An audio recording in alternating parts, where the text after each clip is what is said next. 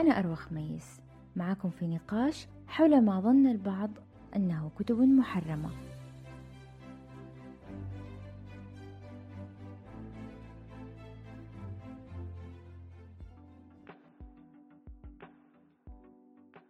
السلام عليكم. وحشتونا من زمان عن كتب محرمة. آه حنبدأ إن شاء الله مع بعض الموسم الثاني ونتمنى آه يعني تكونوا بتستنونا زي ما إحنا بنستنى كنا نبدأ معاكم. ونتمنى يكون مختلف آه في شيء جديد وفي كتب محرمة زيادة. آه كتب مثيرة للجدل يعني إحنا بس نقول محرمة بس هي كتب مثيرة للجدل. وإذا عندكم أي اقتراحات نحب مرة نسمعها. أنس بس قول لنا يرسلونا على تويتر. أول شيء أنس أهلا وسهلا. يا أهلا. أرحب بيك زي ما أرحب بالكل. وقول لنا إذا أيوة في أي اقتراحات آه للكتب أو لأي حاجة اقتراحات من طرف المستمعين ارسلوها على فين. آه، أهلا وسهلا فيك أروى وأهلا بكل متابعي كتب محرمة. أو كتب على قولك مثيرة للجدل آه نعم إن كان في أي اقتراحات لكتب تستاهل إنها أو تشوفون إنها مثيرة للجدل تراسلونا على أقول كل الحسابات على ساندويتش ورقي في تويتر على حسابي أنا على حساب الدكتورة أروى آه موجود إن شاء الله ملحقة بال بوصف الحلقة. آه ضروري تساعدونا لأنه okay لسه الكتب المحرمه عندنا كثير لكن أعتقد إنه عندكم آه آه، آراء قوية تنافس الكتب اللي قدمناها فخلينا نشوف. تمام. طيب اليوم كتابنا يا أنس آه أنا كل مرة أقول نفس المقدمة إنه الكتاب رهيب ومختلف ومثير للجدل بس اليوم من جد كتابنا آه القضية اللي ناقشها آه قبل ما أتكلم عنه حقول إنه من وجهة نظري وهذا يمكن يكون ما أدري ما أعرف أتوقع زي دائما بيني وبين أنس بعض الجدل آه، من وجهة نظري يستحق جدا القراءة. والله أنا أشهد يا أروى أنا متأكد لأنه هذه الرواية أنت آه، أكثر من يمكن 30 مرة كل مرة نتكلم فيها تقولي لي اقرأ هذه الرواية أو هذا الكتاب. فأنا أشهد صح من قبل أصلا ما نفكر في كتب محرمة صح؟ من قبل ما تقولي لي على أساتذة اليأس وأنت تقولي لي هذه الرواية اقراها تراها فظيعة. آه طيب أنا متحمسة أسمع رأيك فيها لأنه إحنا قررنا عليها وأنا أنت لسه ما كنت قرأتها أو أنا ما سمعت رأيك فيها فنسمعها مع بعض اليوم. آه طيب الرواية هي آه إحدى الروايات اللي أصلا صارت فيلم وأنا شفت الفيلم قبل ما أقرأ الرواية. الفيلم كذا جاب لي أحاسيس بالانقباض جدا يعني لكن بعد ما قرأت الرواية حقيقي عجبتني بالرغم إنها ما خلتني أنام يعني.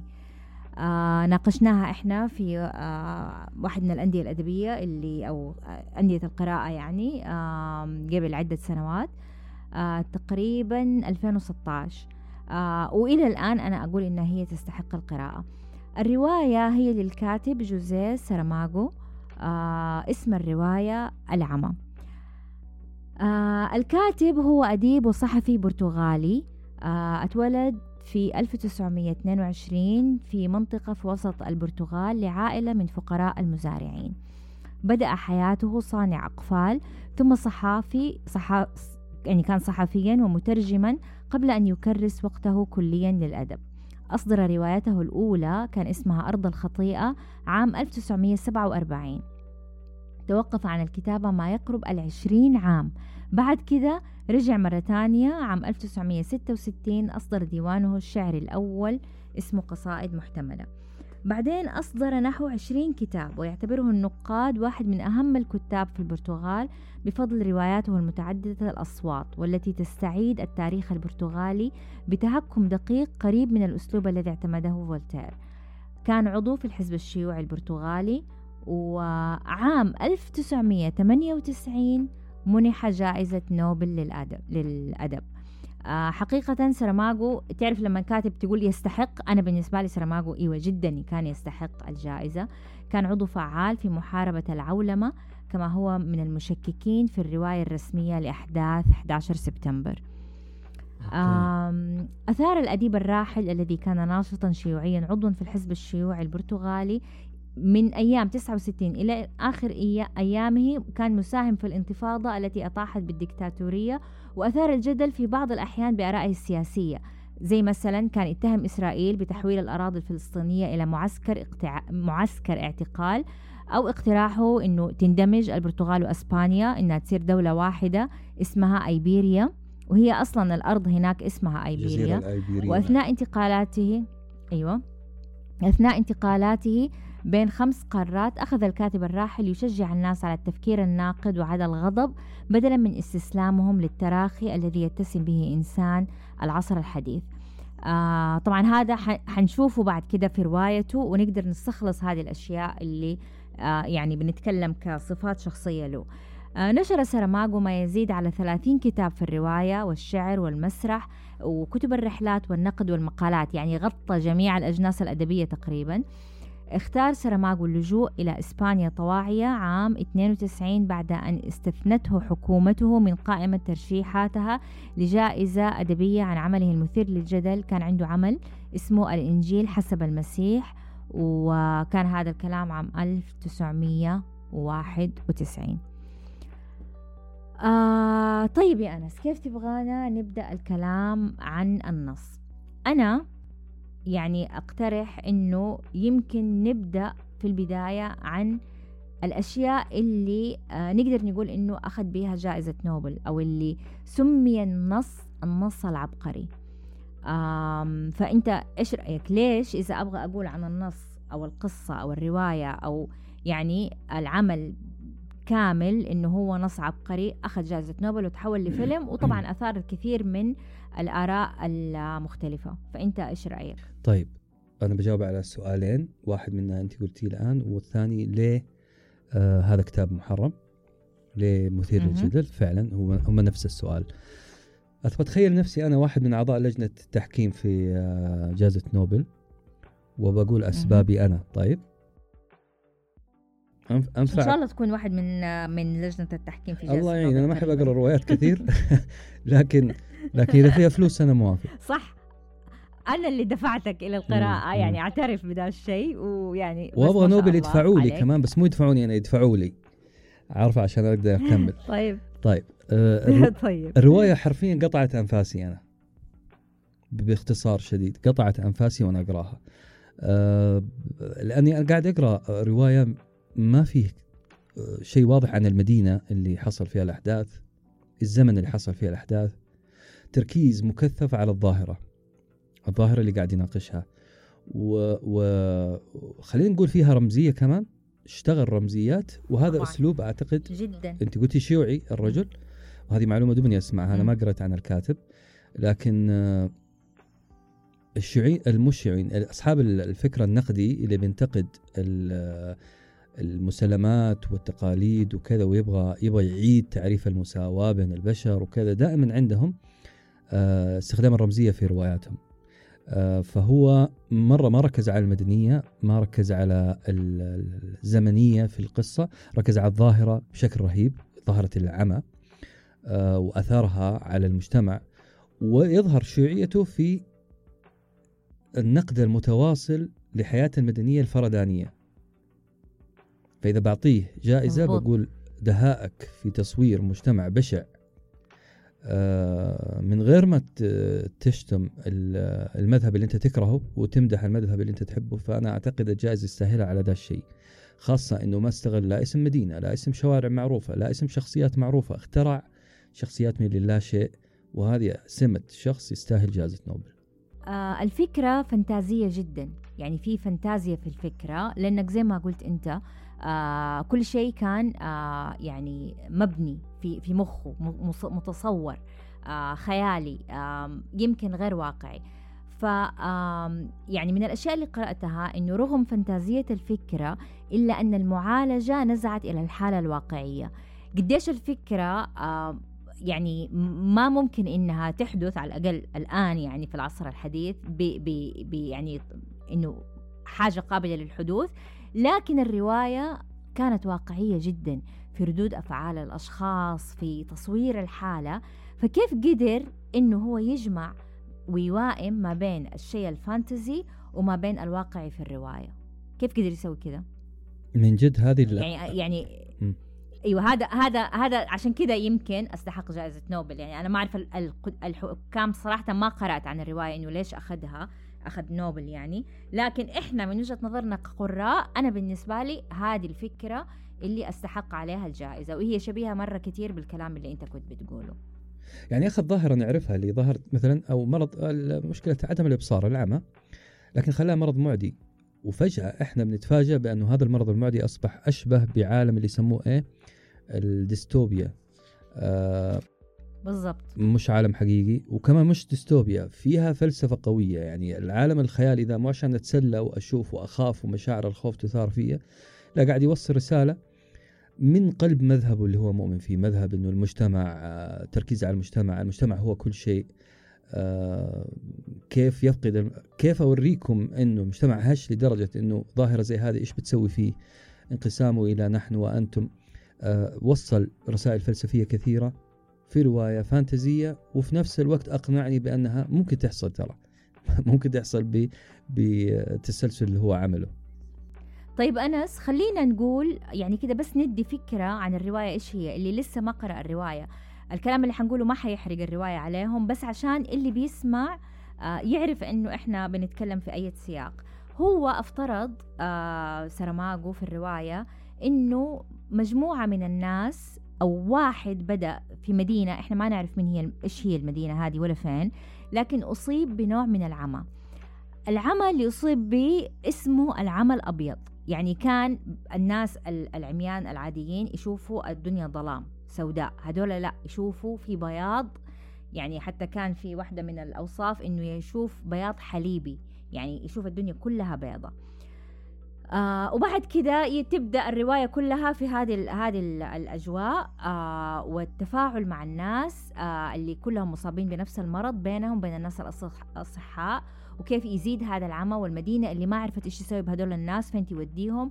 آه جمعتهم كلهم في واحدة من الأماكن آه كأنه كان سجن قديم أو شيء المهم فتحوه على بعضه وخلوا كل واحد يصاب بهذا المرض يدخل في ذا المكان وما كان المرض ده يفرق بين آه، أحد وأحد يعني ما أبغى أقول بس خليني خليني بعدين بعدين آه، أقول الفكرة دي هل إحنا مرينا بشيء مشابه ولا لا لكن في النهاية في ال- في البداية خلينا نقول أنس هل بالنسبة لك العمى الأبيض هل هو تأويل لشيء معين؟ إيش هو العمى الأبيض؟ آه ومن هو الأعمى؟ وهل تعيش مجتمعاتنا فعلا في عمى؟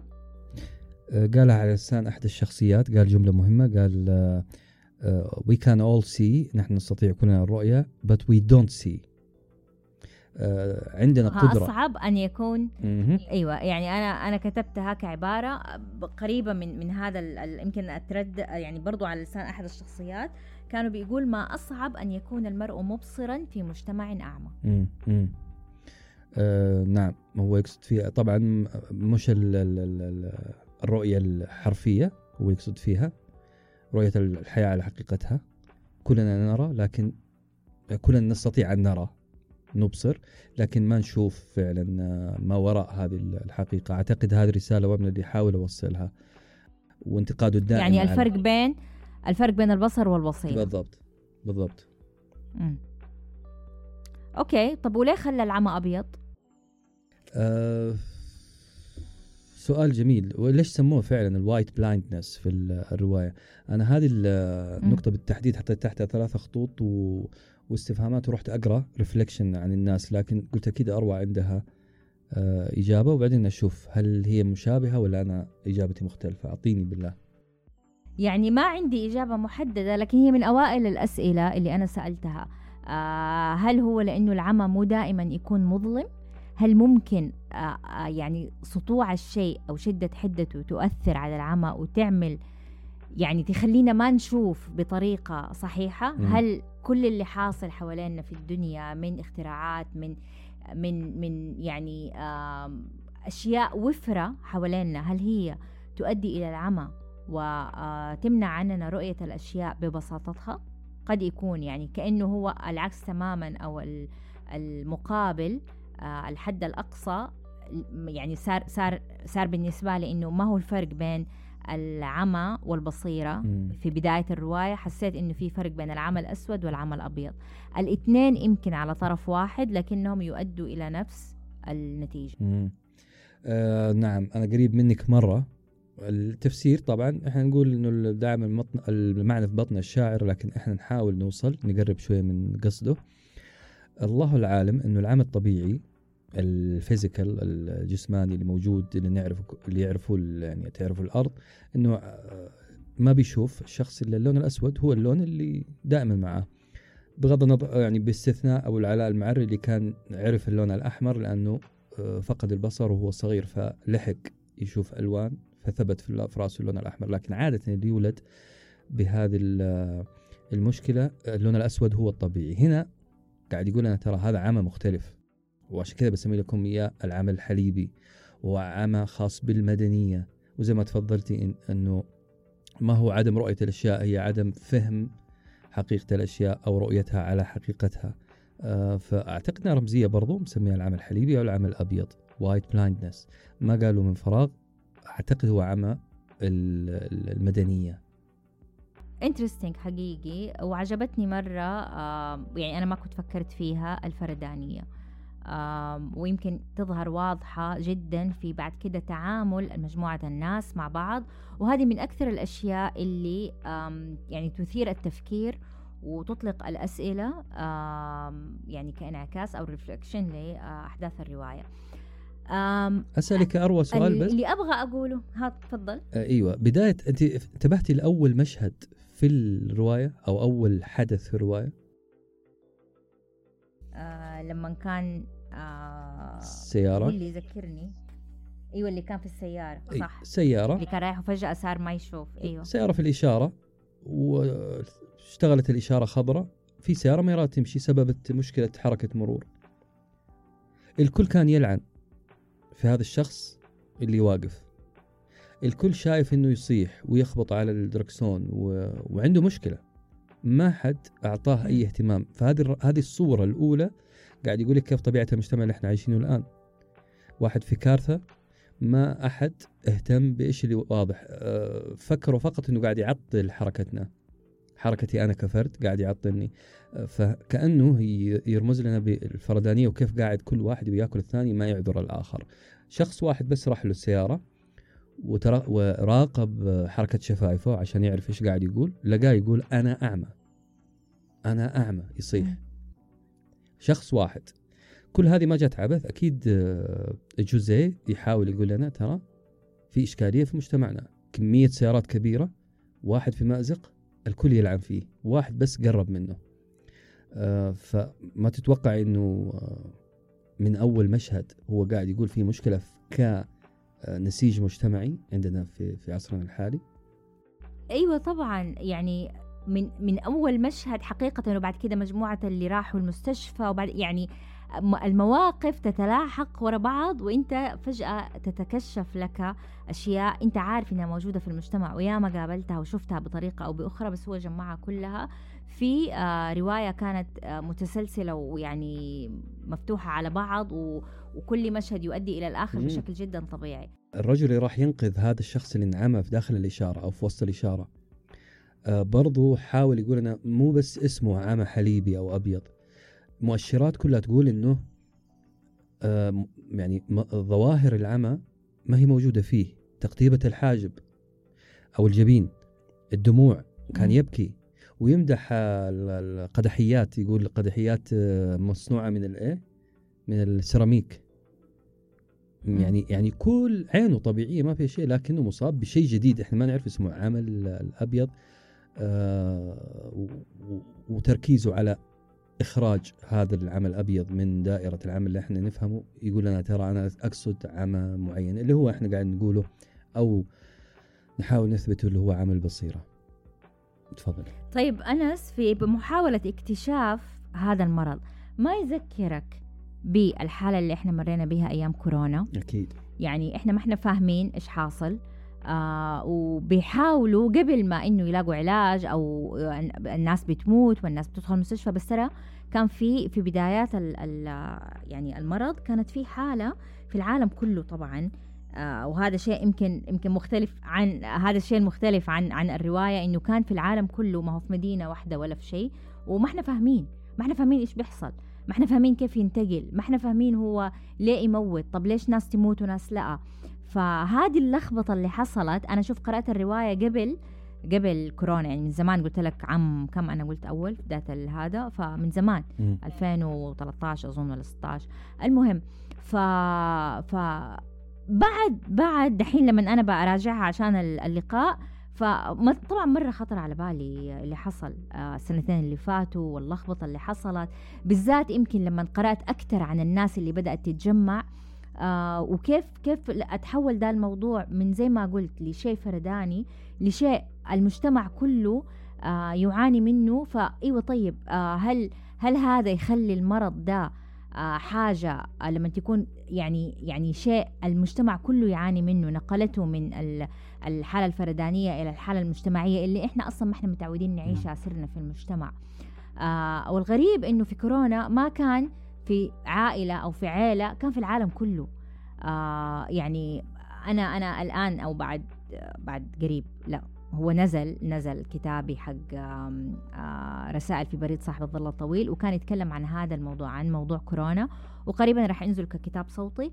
لكن الغريب أنا كتبت الكتاب ما كان ترى قصدي أنشره يعني كانت بمجرد مذكراتي أيام كورونا ومكتوبه بالتاريخ وكل مرة كنت أكتب إنه ترى مو بس إحنا. العالم كله بيعاني من نفس الشيء. مرة غريب لما أنا هنا في جدة وواحد تاني في أمريكا في ولاية وفي مدينة صغيرة بيعاني من نفس الشيء اللي أنا بعاني منه. آه نفس الهموم نفس التطلعات. كلنا بندور على علاج كلنا بنحاول نفهم. الله. فهل المرض يجمع الناس؟ هل ظاهرة زي كده شديدة ومؤلمة وتؤدي إلى الموت هي الوسيلة لتجميع الناس؟ هو اللي حاول هي الوسيلة الوحيدة لتجميع الناس؟ حاول يقوله. ذا الكلام. لأنه العالم أشبه تحول في روايته هذه اللي أشبه بقصص نهاية العالم ثكنات عسكرية جوتها بشر. والبشر ذول اتفقوا على أنه آه المرض هذا ما يفرق بين غني فقير آه، صاحب منصب لا آه، ذكر أنثى أبيض أسود كله حيتأثر بهذا المرض. فحصل خوف شديد irrationality. irrationality عدم عقلانية في الموضوع. وخلينا نقول يمكن هذه النقطة اللي قاعد يحاول يفسرها الرجل إنه عقلانيتنا الشديدة وفردانيتنا شوف المصطلحات هذه دائما تجي مع بعض. عقلاني يعني فرداني بيجلس مع نفسه بيفكر صح. في العالم من وجهة نظره هو فقط مش بنظر مش بوجهة نظر المجتمع. آه الراشوناليتي الزايدة خلقت فردانيه خلقت فروق بيننا. صرت أنا وأنت مختلفين لكن حالة الهلع سببت حالة عدم عقلانية سببت حالة إنه ما نقدر نعيش من غير بعض. فأعتقد برضو هذه يمكن الرسائل يمكن إيوه يمكن أنس إذا كمان نظرنا لها من وجهة نظر أخرى. إذا نظرنا لهرم ماسلو أو اللي إحنا نسميه سلم الاحتياجات حق الناس. الهرم أو المثلث مقسم لكذا قسم بدءا من يعني كل احتياجات الناس.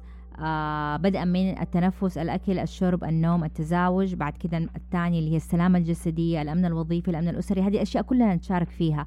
العلاقات الأسرية بعدين التقدير الثقة احترام الذات آخر شيء الإبداع وحل المشكلات والنشاط السياسي وكل الأشياء دي. آه فهذه كلها الهرم اللي إحنا نتشارك فيه. حاجة زي كذا زي المرض تتوقع ضربت أي مستوى من مستويات الهرم أو هرم ماسلو. هل الحاجات الفسيولوجية الجسدية الحاجة للأمان الحاجات الاجتماعية الحاجة النفسية الحاجة لتحقيق الذات. لو تيجي آه تشوف إن هي ضربت كل جزء من أجزاء الهرم ده آه لكن بطريقة جماعية. يعني ما هي واحد ولا اثنين كلنا كل المجتمع. فهل تتوقع أنه هذا يجمع ما بيننا؟ نعم هو هي بالتحديد استأصلت من الهرم الحاجة لتحقيق الذات. الآن أنا في mode ال survival survival mode على قولهم. آه، أكون أو لا أكون. وأكون بس, بس أنس حتى وصلت لقاعده الهرم. يعني كحاجات فسيولوجيه بالذات في الرواية يعني سيبك من من كورونا. الشرب. إيوه الأكل والشرب. يعني انت أنت قرأت الرواية وشفت قديش كانوا كانوا بيتعاركوا على أشياء أساسية. مم. زي الأكل زي الشرب زي آه، التزاوج زي أشيائهم العادية. يعني تحولوا البشر اللي كانوا من مستويات بعضها راقية بعضهم أطباء بعضهم يعني مستويات رفيعة آه، في في التقسيم الإنساني. لكن أتحولوا بسبب هذا الهرم أو الاحتياجات الأساسية لناس زي الوحوش. ما فرقت ترى. انت أنت مين؟ أنت من أي اجتماعيا من أي طبقة؟ أنت متعلم ولا ما أنت متعلم؟ في النهاية رجعتوا تاني للهرم الأساسي. صح. خلعت ملابس المجتمع الرواية. أنا بأكد كلامك ذا بالضبط بالضبط. شوفي آه آه كنت أقرأ في حكاية فكرة the concept of God فكرة الإله عند كل الشعوب وكيف تطورت بحسب بعض التطوريين وكيف وجدت بحسب بعض اللي يؤمنون بالأديان السماوية زينا يقال طبعا هم بيفسروها بالطريقة دي أنه الإنسان كان زمان يعتمد على آه ينزل يصطاد آه فمعتمد على قوته قوته ما هي في يده ممكن يمرض ممكن ففي قوة معينة هي اللي بتعطيه الأداة اللي يقدر يصطاد فيها الأكل ويأكل نفسه وأهل بيته. بعد كذا مجتمع زراعي يعتمد على الأمطار الأمطار مي بكيفي فيعتمد على إله مغاير له. المجتمعات اختلفت الآن صار اعتماده على المخبز اللي تحت المخبز لو موجود شوف كيف تغير فكرة مين اللي حيعطيني رزقي؟ فالمجتمع المتمدن الآن فصل نفسه عن الماورائيات الميتافيزيكس قاعد يقولها الآن هذا الرجل يقول المرض خلانا نرجع للسبب الأساسي. مو هو ما هو مؤمن طبعا عشان يوصلنا رسالة دينية بس بيقول إحنا بنرجع للتفكير البدائي اللي المفروض يكون آه، وهو الشيوعية تؤمن بالمجتمع البدائي ترى إنه نرجع نعتمد على بعضنا. آه، وصلها لنا بإيه؟ بإنه المرض ضرب شخصيات واختار شخصيات محددة. آه، أول شيء رجل عادي امرأة يعني تخلت عن أخلاقياتها مثلا باعت نفسها جاه المرض آه، وكان عقوبة إلهية أو عقوبة سماوية. الطبيب لاحظت الطبيب اللي جاله المرض؟ يعني حتى أيوة أنت يا أبو علم طبيب. يا أبو علم واللي تؤمن بالريزن إنه كل شيء له سبب ما أنت قادر تفسر ذا المرض حتستسلم في النهاية. آه فهو قاعد يفسخ عفوا اللايرز اللي انحطت فوق اعين بص بصر الناس عشان يوصل للبصيرة. بصيرة اللي هي ترى مهما عملت أو ترقيت في هرم موسلو المفروض ترجع للأساس اللي ما تقدر تعيش فيه من غير آه، خلع الفروق الفردية بينك وبين الباقيين. أنتم واحد. آه كمان من من اللي أصابهم المرض الأطفال. ففي عبارة اتقالت يمكن لها علاقة باللي إحنا قلناه في الرواية. لقد مضت عدة لقد مضت ساعات عدة على آخر مرة سأل فيها عن أمه لكن لا شك أنه سيفتقدها ثانية بعد أن يأكل عندما يتحرر جسده من أنانيته الحيوانية. كان الولد الصغير جيعان وكان في الأول يسأل عن أمه مرة كثير لما زاد الجوع حتى أمه ما صار يسأل عنها وهو طفل صغير. وكان بيقول إنه بيفتقدها لكن بعدين لما يرجع يشبع رح يفتقدها تاني. دحين جسده في أنانية حيوانية. فرجع لأول مستوى من مستويات هرم ماسلو آه، وهو ما يبغى حتى أمه يبغى بس ياكل يبغى يغذي آه، هذا الجسد. هذا طبعا يخلينا مرة نسأل أسئلة كثير مثلا ما هو الحد الفاصل أصلا بين الإنسان والحيوان؟ هل يعود الإنسان في مرحلة من مراحل آه، حياته إلى حيوان. هل تنهار القيم والمبادئ أمام الاحتياجات؟ آه زي مثلا كانوا آه في في موقف من المواقف آه كده بكل بساطة كان في النساء مقابل الطعام. نديكم أكل تعالوا إحنا نبغى النساء. يعني هذه احتياجات أساسية. الحاجة إلى الطعام كانت مقايضة بالحاجة, بالحاجة إلى الجنس. فها يعني ما في درجة حيوانية أكثر من كده يعني حتى أكثر من الحيوانات. ف يعني إيش رأيك في في الموضوع ده؟ أو أو كيف تشوفوا آه تطبيقه في المجتمعات الحالية حقتنا؟ آه في بأشكال مختلفة. أنا سوري يعني آسف مرة بس موجود لكن بطريقة شيك بورق سلوفان وفيونكا فوق آه لكن إيه لكن جوزيه آه، جابها بطريقة فضة وأحلى شيء فيه يا أروى أنه بعد ما يجيب المشهد المؤلم أو الفظيع اللي نقول مو معقول يصير في البشر زي كذا بيجيب بيعمل زي المحاضرة أو زي الخطبة النريتور السارد أو المتحدث فجأة مم. يطلع لنا واحد. قاعد يخطب فينا لا على لسان أي شخصية لاحظتيها كيف؟ أيوه وتتقبل الكلام جدا تتقب- تتقبل الكلام وتوقف كده تفكر صح. شوية أعتقد سموها كان قريت في التحليل the point of view character shift ينقل من الشخصية ويبدأ هو ال narrator هو الكاتب بيتكلم عن خطبة زي لما آه، اتكلم عن حاجة اسمها the moral conscience الضمير الأخلاقي اللي المفروض فينا كلنا يقول إن الضمير الأخلاقي الذي يهاجمه الكثير من الحمقى اليوم وينك وينكره آخرون كثر أيضا هو موجود وطالما كان موجود سيبقى إلى آخر الدهر. آه، هنا بيتكلم عن ال- ال- النواة الأساسية اللي تفرق زي ما سألت أنت بيننا وبين ال- الحيوانات. إنه آه، هنا ال- ال- الضمير اللي في النهاية اللي بيحكم هل عملية المبادلة هذه بين النساء صح ولا خطأ. آه، لكن المجتمعات مركبة بشكل خاطئ بتقايض هذه بهذه. آه، فأعتقد هو حط حط خطين تحت the moral conscience في هذه الرواية. آه هذا يخليك تسأل مرة كثير عن ال- الفرق بين آه يعني بعض ال ال- يعني زي ما إحنا تكلمنا عن اثنين في طرفي آه، حدين متباعدين لكن كمان يخلينا نسأل مثلا الفرق بين السلطة والتنظيم. آه الفرق بين آه مفهوم الخير والشر ببساطة. يعني متى الشيء ممكن يكون خير وهو ترى في نفس الوقت ممكن يكون شر. السلطة اللي ممكن آه هي أصلا بغرض التنظيم يعني هي سلطة لكن هي في النهاية عشان التنظيم. وهذا هذا دائما شيء موجود عندنا في المجتمعات ال ال آه يعني الحضرية الآن يعني موضوع مثلا وجود أو السماح بالمسدسات في أمريكا. مم. آه عشان هم نوع من الحرية وإنه هو يقدر آه يعني يدافع عن نفسه. لكن في النهاية طب هدول يحتاجوا نوع من التنظيم لأنه صار الموضوع في خلط بين ال- المواقف المختلفة. نفس الشيء الكلام بين الخير والشر. طيب هل الجميع آه، سوداوو البشرة مثلا شريرين؟ فهذا بيخلي الشرطة تتعامل معهم بطريقة أو بحكم مسبق. آه طب يمكن يكون أصلا يعني داخله خير لكن أنت كيف تقدر تعمم أو تفترض إنه هو سوى ذا الشيء بقصد الشر؟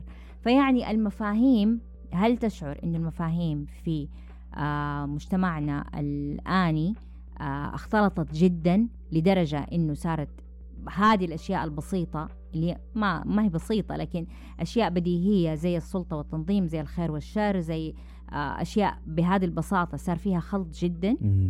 أكيد أكيد. خلط رهيب طبقات كثيرة جدا من التبريرات من التقاليد ومن الم... من ما يسمى بالمنطق. غطى على الحقيقة البديهية الأولى. هذا شيء آه، ما فيه تفاهم و كورونا وما نبغى نقول كورونا الع- العام الأبيض اللي قاعد يتكلم عنه الآن جاء يكشف إنه آه، في طبقات كثيرة جدا شوهت اللي إحنا فيه والرجوع للضمير.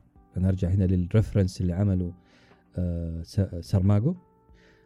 ال- الضمير الضمير الأخلاقي هو اللبنة الأساسية اللي يعتمد عليها هو. مش ال rationality ولا ال irrationality.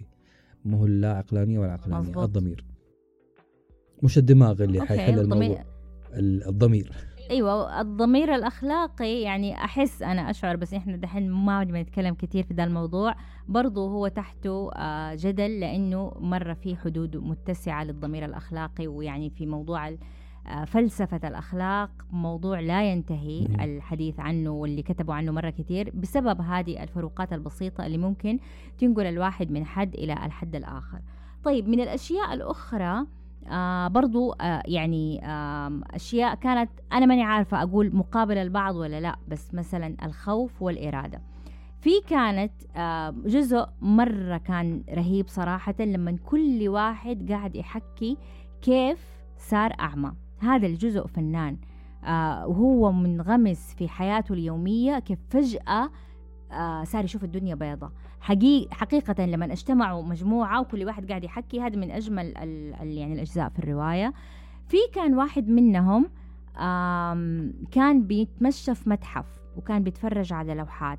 بعدين فجأة كان بينظر للحصان فصار ما يشوف.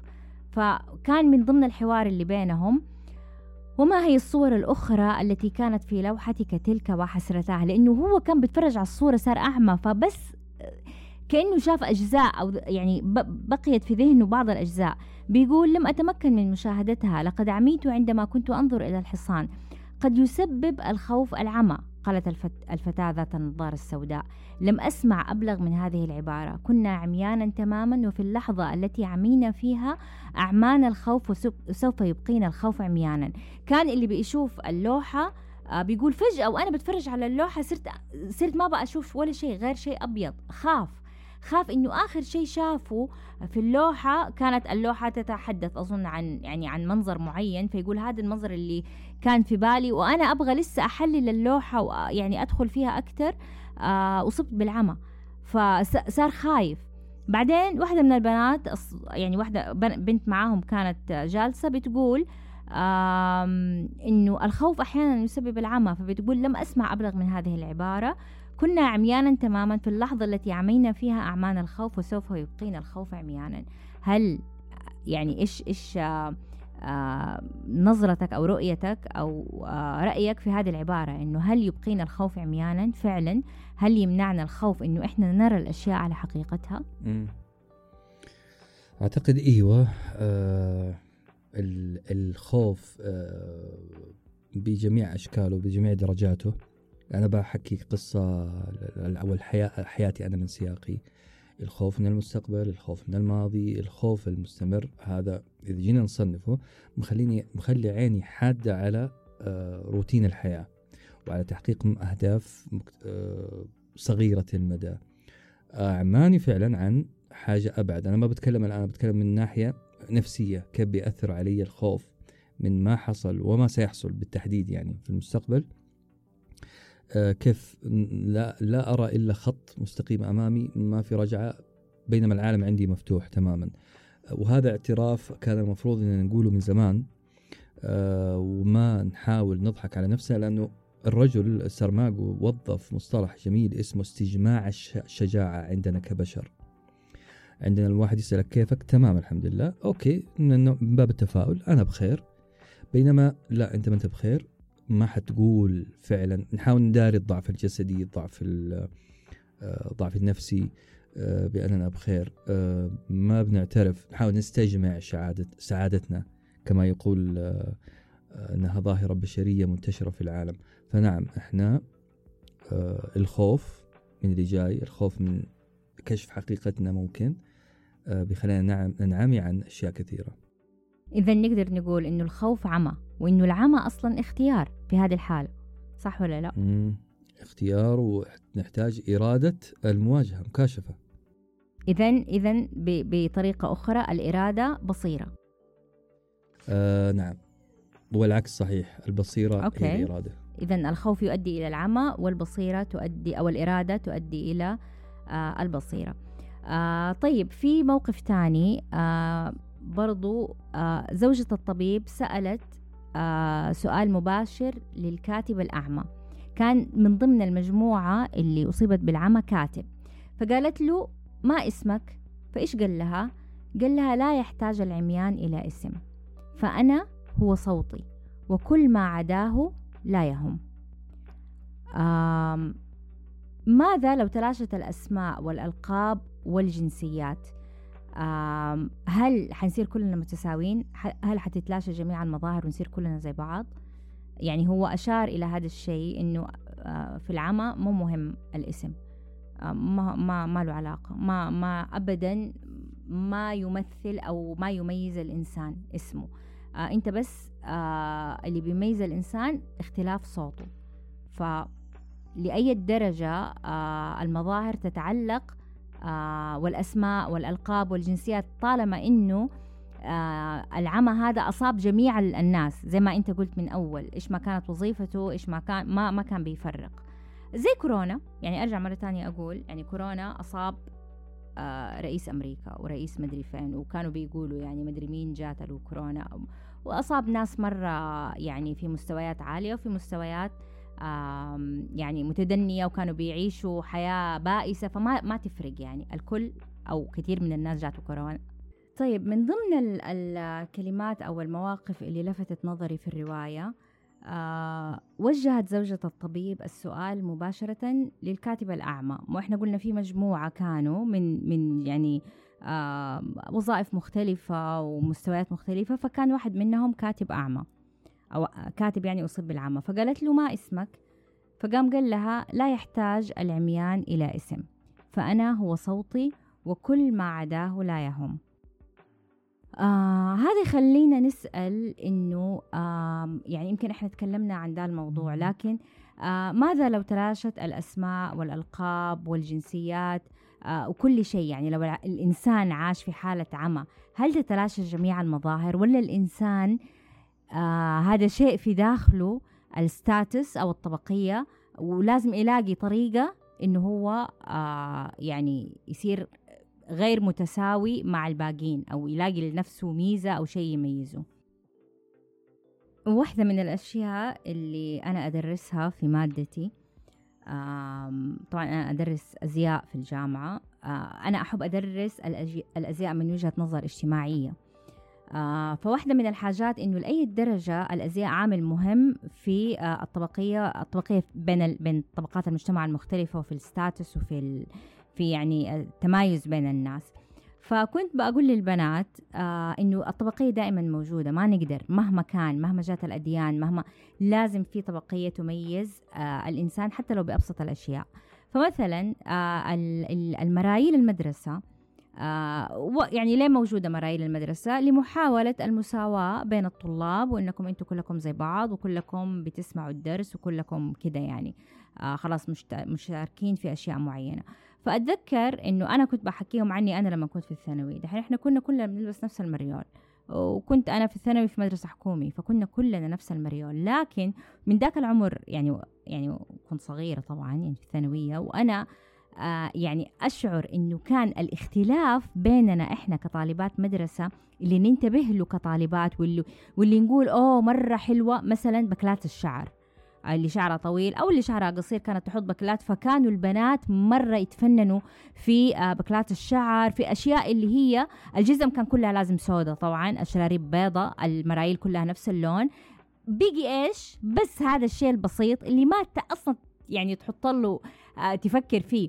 لكن لدي الدرجة مهما حاولنا إنه إحنا نخلي الناس متشابهين إلا ما يلاقوا طريقة للتمايز أو ل آه يعني إنشاء اختلافات بينهم وبين الناس. وطبعا لما نجي على مستوى يعني على مدى التاريخ فيما يخص الملابس يعني أنا لأني أدرس تاريخ أزياء فالاختلاف بين الطبقات أحيانا مضحك لأي درجة ممكن شيء بسيط جدا ويخلي طبقة تختلف عن طبقة وهذه طبقة الحكام وهذه الأمراء وهذه اللي لا وهو مرة شيء أهبل يعني ما يحوج وما يستاهل هذه الطبقية بس الفكرة دائما موجودة. فزي ما أنت قلت حتى لو كانوا كلهم عميان وما عندهم أسماء آه يظل الصوت ممكن يكون طبعا عامل اختلاف جدا آه يميز بين الأفراد. الله. معاكي تماما في مسألة أنه لن نتوقف عن محاولة التميز. إحنا بشر إذا لازم نتميز عن بعض.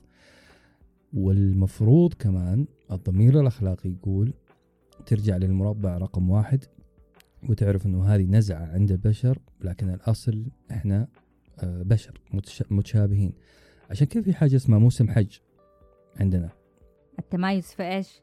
التمايز في إيش في موسم الحج في في ما أدري الحملات يمكن نوع الحملة.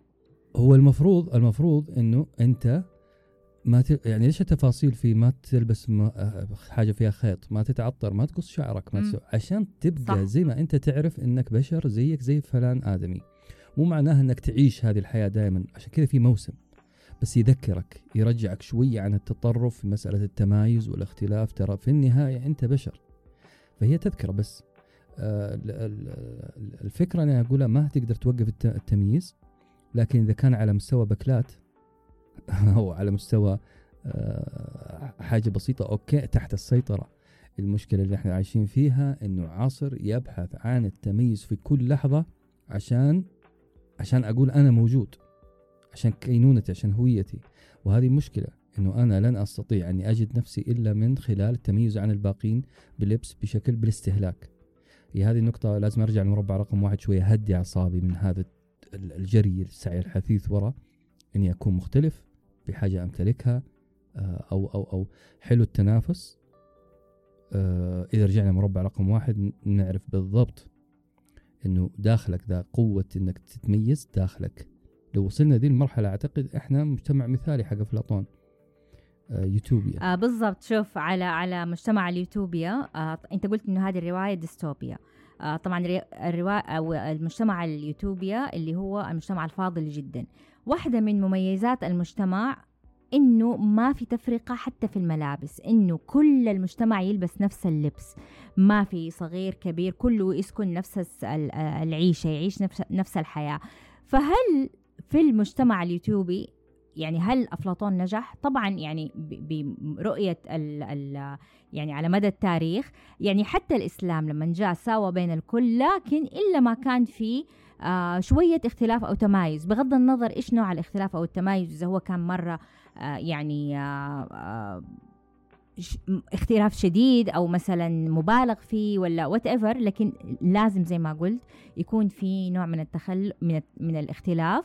آه، أو التمايز. ففكرة المجتمع الأفلاطوني أو اليوتوبي هي فكرة آه، غير قابلة للتحقيق أصلا. ما تقدر تعيش في مجتمع في كل الناس فيهم زي بعض. حتى في الجنة حنختلف أيوه حتى في الجنة أكيد حنختلف. أصلا هل نبغى إحنا ده الاختلاف؟ هل هذا مفهوم المجتمع الفاضل إنه يكون الكل زي بعض؟ يمكن لا. ما أعرف يعني يعني في النهاية هي هي فكرة آه، قابلة للنقاش. هل التشابه التام والمساواة التامة في كل شيء وإنه ما في اختلاف بيننا هل هذا يجعل من المجتمع آه، أفضل أو قابل للعيشة أفضل؟ أتذكر في كان واحد من الأفلام أنا ماني فاكرة إيش اسمه صراحة لكن كان يتكلم عن هذه القضية إنه كان في مجموعة وقررت إنه المجتمع كله يكون زي بعض وهم اللي حكموا آه ويعني حاولوا المحاولات المستحيلة بعدين ما قدروا. ما ما قدروا إلا ما طلعوا ناس من هنا من هنا تمردوا والمجتمع ما يقدر يعيش في التشابه التام. آه فحتى لما آه يعني آه جاء سرماغو يبغى يسوي آه المجتمع كله آه زي بعض في طبقة أو في دائرة في المجتمع كلهم عميان وكلهم اجتمعوا في هذا المصير لكن إلا ما كان في بعض الاختلافات بينهم. آه كان عندي سؤال يمكن نختم به آه ماذا كان يريد أن يخبرنا الكاتب من الرواية؟ ولماذا لم تعمى زوجة الطبيب؟ ليش؟ إيش كان؟ إيش كان قصده؟ إنه كانت زوجة الطبيب ما هي عمياء. ليه؟ إيش معنى؟ ليه كلهم كانوا عميان إلا زوجة الطبيب, وما حدا اكتشف؟ رسائل كثيرة كان بيحاول يوجهها. رقم واحد إنه آه، إحنا قلنا إنه في اتكال كلي في حياتنا المدنية على العلم وعلى وعلى وعلى وفي ثقة أكبر من اللازم في في بقدرة الإنسان على فهم الأمور والريزن وشيء كل شيء له سبب. الأهم أعتقد أنه وظف الزوجة هذه اللي لم تصب بالعمى وادعت أنها عمياء لكن هي ما هي كانت تشوف كل شيء آه، يقال إنها أسلوب آه، في الحبكة. عشان ما عاد في أحد الرواية كلها لا ترى الشخصيات لا ترى مين اللي حيحكينا عن الأحداث؟ فالزوجة ما تعرضت للعمى للعمى كانت هي عين الرواية كما يقال. تكشف لهم المكان توصف المكان بوضوح. فهذه واحدة من الأدوات الأدبية خلينا نقول أو عشان الحبكة الروائية. أما دورها في القصة ما أدري ما قدرت أصيد شيء. أنت إيش رأيك؟ أنا أشوف إنه آه كان لازم نحط الشيء ومقابله. يعني كان الحديث عن العميان اللي هو الجزء الأكبر من الأشخاص في الرواية. آه وكان لازم أحد زي ما أنت قلت يشوف من برا ويمكن يشوف بطريقة مختلفة يشبهنا إحنا لأننا إحنا بنشوف الرواية بشكل يعني إحنا إحنا مبصرين. فإحنا بنحكم على الأشياء بالشيء آه اللي إحنا نملكه. آه وما يملكه أصحاب الرواية. فكان لازم أحد أيوة مختلف عشان في داخل الرواية عشان يحسسنا بهذا يحسسنا إنه إحنا قادرين حتى على المقارنة بيننا وبينهم. عشان م. نوصل للمعاني المعينة اللي كان الكاتب يبغى يوصل لها. وأنا دائما أقول يعني أنا ما أعرف الكتاب ما يحطوا أهداف طبعا وأنا أبغى أوصل لذا الهدف بس هي قضية آه يبغى يتكلم عنها. يبغى يقول من خلالها أشياء كثير آه آخر شيء أبغى أختم به آخر تقريبا آه سطر في الرواية. إيش يقول؟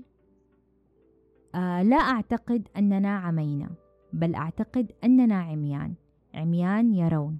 بشر عميان. يستطيعون أن يروا لكنهم لا يرون. هذه كانت آخر سطر في الرواية وحقيقي جميلة جدا. آه يعني تخليك ترجع مرة تانية للبداية. وتعرف إنه هو ما كان قاصد العمى بمعناه الفيزيكال يعني أو معناه الحرفي. آه لكن هو كان بيقول إنه آه أعتقد إننا عميان عميان يرون ف this is so interesting وتخليك إنه أيوه تنظر إلى المجتمع بطريقة أخرى تماما. آه إيش تبى تختم أنس؟ الرواية قطعت نفسي حرفيا. آه صح. يعني قلت لك أنا آه لما لما آه حطيتها في ال reading group آه ولما جينا نناقش ما في الكل كان يعني يبغى ياكلني. إيش دي الرواية؟ طبعا من قبل ما نتقابل كانت تجيني مسجات.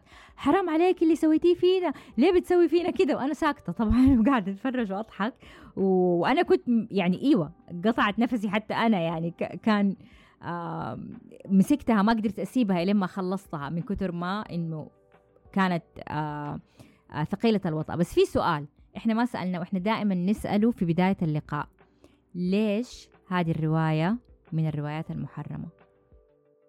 ما يكفي السبب إنها قطعت نفسي إنها ممكن تسبب لك ضيق إنك آه، توريك آه، إنها مركزة على الظاهرة من غير بهرجة الكتاب, العاديين اللعب في الشخصيات لا ركز على الظاهرة تماما. إنها مكاشفة لواقع حياة مدنية ممكن تكون سيئة لأنه إحساس بالضيق من أول مشهد. مو معقول أنت في أول خمسة أسطر فعلا شديتني بطريقة خنقتني معك. في شخص مختنق داخل السيارة بس آه أنس هذا الكلام هل يحمس الناس إنهم يقرأوها يعني أنت دحين اللي بيسمعونا هل تتوقع حيقول أوه حمستني أقرأ الرواية؟ ولا حيقول لا ما أبغى أحس بدا الضيق. يعني إيش ممكن تقول لهم شيء يحمسهم عشان يقرأوا الرواية؟ تحب تعذيب نفسك؟ تفرج على الرواية. أو اقراها عفوا. يعني أنا أنصح إنه لا أقرأها أفضل من ما تشوفها. تشوفها صراحة ما قدرت أكمل الفيلم. لا يقروا آه لكن فعلا. القراءة كانت آه أفضل مرة كثير. ورغم وهذا شيء مرة غريب يعني رغم إنه قديش هي مؤلمة وقديش تدخلك في mood ما أدري mood ظلامي كده لكن آه تستحق القراءة جدا لدرجة أخذ عليها نوبل. فصراحة يعني ما أدري بس أنا بقول للمستمعين آه لا تستاهل القراءة جدا. والدليل إنه أنا قديش أنا قلت لك أقرأها. ف أنا حاعطيه جائزة نوبل ترى في نفس الشيء. لو كنت في البورد وهذا بعطيه جائزة نوبل بس ما حطالع فيه. بعطي له هي كذا ومشيح بنظري بعيد شوية. آه، أوكي. يعني خلاص آه، خلاص لازم تكون في نوبل. بما إنك عندك نفس الآراء فلازم نكلمهم ونقول لهم لازم تنضاف. معاهم يعني. آه طيب أنس مرة كان حوار جميل وبعد فترة طويلة من اللقاء لكن عندنا شيء بسيط في الأخير كأنه آه يعني من الأشياء المختلفة اللي إحنا نبغى نقدمها. فقل لي إيش الشيء المختلف؟ هي نقطة نظام. نقطة نظام هو سؤال راح نسأله. آه، ذكريني بس أنت في إحنا تكلمنا فيها أروى عشان يكون في فقرة جديدة في البرنامج. نقطة نظام هي تحول من الكلام عن الرواية فقط إلى سؤال شخصي للمتحاورين اللي هو أنا وأنت. أوكي. أنت اللي حتقرر السؤال دي المرة والمرة الجاية أنا حقرر السؤال. طيب. ليه يا أروى تقري رواية عن ظاهرة؟ آه إيش إيش الشيء في حياتك؟ بكون سؤال صريح شوية. ليش في حياتك؟ دائما بتختاري أشياء فيها معاناة وتجدي إنها آه شيء شيء إيجابي لأي قارئ بصراحة. في حياتك أنا أبغى ما أبغى شيء نظري. أوكي. الشيء دائما اللي آه يعني مخيف أو يسبب مثلا مشاعر من هذا النوع ليه أنت تتفرج أو ليه اللي يتفرجوا؟ مع أنه أنا ما أحب يعني بس اللي يتفرجوا على الأفلام المرعبة مثلا يعني. آه، أفلام مرعبة تخوف يعني ما في إنسان ما يخاف لكن فيها مناظر مرة سيئة. آه، في حياتي يمكن في مواقف كتير آه، كانت رحت فيها إلى الحد الأقصى باختلاف المواقف هذه. مخيفة محزنة توتر تشبه الوقوف على شفا أو طرف الجرف الهار طرف جرف أو طرف جبل. أنت تبغى تشوف إيش فيه لكن أنت ما تبغى تطيح كمان. لكن يحمس إنك تشوف آه إيش فيه تحتك. مع أنه ممكن بأي دقيقة أو في أي لحظة ممكن تسقط. ليش الناس تحب تركب الألعاب اللي هي سريعة أو تخوف أو آه، خطرة أو ما أعرف أشياء زي كده. أتوقع عشان هذا ال ال الإحساس. يمكن نوع من الأدرينالين يفرز أكثر فيحسسك بالرضا أو بالإثارة. آه ما أدري. قد يكون بس يمكن نوع مختلف من الإثارة. ما هي إثارة جسدية يمكن تكون إثارة عقلية أو فكرية تدفعك إلى الحد الأقصى. آه أقنعتك؟ جدا. طيب أنا يعني آه السؤال ما حينطبق عليك لأنه أنت أعرف أنك ما تحب تقرأ. آه هذا النوع من الروايات أو القراءات. لكن آه الآن بما أنك قرأت رواية العمى فخليني أحط السؤال بطريقة أخرى. آه هل هل تقدر بما انها هي قطعت أنفاسك وهذا بالضبط يعني ال- الكلام اللي أنا كنت بقوله وأنت واقف على طرف الجبل خايف تطيح بس أنت تبغى تشوف. هل تس هل شعرت إنها تستحق؟ تستحق هذا ال ال الإحساس أو تستحق إنه تكون فعلا سببت لك مشاعر بدي الطريقة لكنها تستحق القراءة. وليش؟ أه بصراحة من ناحيتي أنا أنا ما بينفع معي الطريقة دي. أه لكن أنا أعرف ناس المخاطرة الوقوف على جبل على طرف جبل أه بيعطيهم ذا الإحساس ومؤمن بأنهم صادقين في ذا الشيء. عندي نعم مجازفات بس مش بالطريقة دي مش برؤية مستقبل بصورة معينة. أه تخليني أخذ أنفاسي بعدها وأقول أنا عايش حياة حلوة في الحقيقة مقارنة بالرواية. فأنا شخصيا لا ما ينفع معي ذا النقطة. يمكن أكون متأثر في اليومين اللي بعد قراءة الرواية تأثر سلبي وأعتقد أنه حيخف ذا التأثر وحيكون أفضل بعدين. طيب خليني أنس ننتقل للفقرة الثانية اللي إحنا قلنا آه رح نسأل سؤال آه شخصي شوية كل واحد فينا يسأل الثاني سؤال شخصي آه سؤالي هو إيش أجرأ شيء سويته في حياتك؟ أجرأ شيء الانتقال من بصراحة الخروج من دائرة الراحة بعد أربعين سنة من من من الحياة في في دائرة الراحة والإطمئنان. آه كيف كان الخروج يعني؟ خروج من مجال عمل مؤمن آه براتب آه ثابت إلى مغامرة الدخول في السوق العمل اللي مو مضمون فيه أي شيء. آه، تأخرت بس it's never too late أعتقد أنها لو توفر لي الفرصة مرة ثانية في زمان يعني جاتني الفرصة هذه حأخذها وأجرأ شيء حصل لي طيب أنا عن نفسي أيوة. آه يعني بأفكر في أقصى شيء سويته. يمكن مع أني أنا يعني عادي أركب ألعاب آه، كانت صعبة بس كان حقيقي من أكثر الأشياء ال skydiving لما اترميت من الطيارة. أصلا وقفت في طرف الطيارة والمدرب قال لي مستعدة؟ قلت له لا قام دفني. كده ببساطة. يعني ما يخصه أنت مستعد مو مستعد؟ حيدفك. وحقيقي كان بالنسبة لي يعني يعني قلبي اتخطف. أنت فجأة وهذا لسه ما فتحت المظلة يعني. فأنت حرفيا you are بتعمل skiing في وسط السحاب والجو والهواء وال... وتتلطش من الهواء يعني كان كان بالنسبة لي إيوه مرة آه مرعب. يعني لما أتفتح طبعا اتفتحت المظلة لا صار الموضوع رومانسي وأنا طايرة في السماء وأنا بتفرج على الدنيا من تحتي. بس قبلها لا كان جدا آه مرعب. هذا على المستوى يعني الألعاب أو الشيء ليترلي إنه هو خطر. لكن يمكن أنا لما عملت دار النشر آه بالنسبة لي كانت آه جدا مخاطرة لأني حطيت كل فلوسي في ذا الشيء وأنا عارفة تماما إنه الكتب ما تأكل عيش. بس أنا كان عندي وظيفة طبعا ما سبت وظيفتي. آه لكن آه يعني كأني بأراهن على كل اللي جمعته وبحطه في شيء وأنا عارفة آه تماما ومدركة آه يعني من من آه، خبرة سابقة أو معرفة سابقة بأشخاص كثيرين ومواقف وتجارب سابقة يعني إنه إيوه الكتب مهما كان الكتاب رهيب فهو ما يأكل عيش يعني ما هو مصدر رزق. آه ورغم كده أخذت المخاطرة دي. ندمانة؟ لا ماني ندمانة. كان ممكن أجمع فلوسي وأشتري بيها أشياء كثير وأسوي بيها أشياء أكثر. آه لكن ماني ندمانة على أبدا هذه الخطوة. طيب أناس خلصنا؟ خلصنا ونشكر جميع المستمعين إنهم وصلوا معانا إلى النقطة الأخيرة. آه ونشوفكم إن شاء الله قريب في كتاب محرم آخر. شكرا لاستماعكم. أنا أروى خميس معكم في نقاش حول ما ظن البعض أنه كتب محرمة.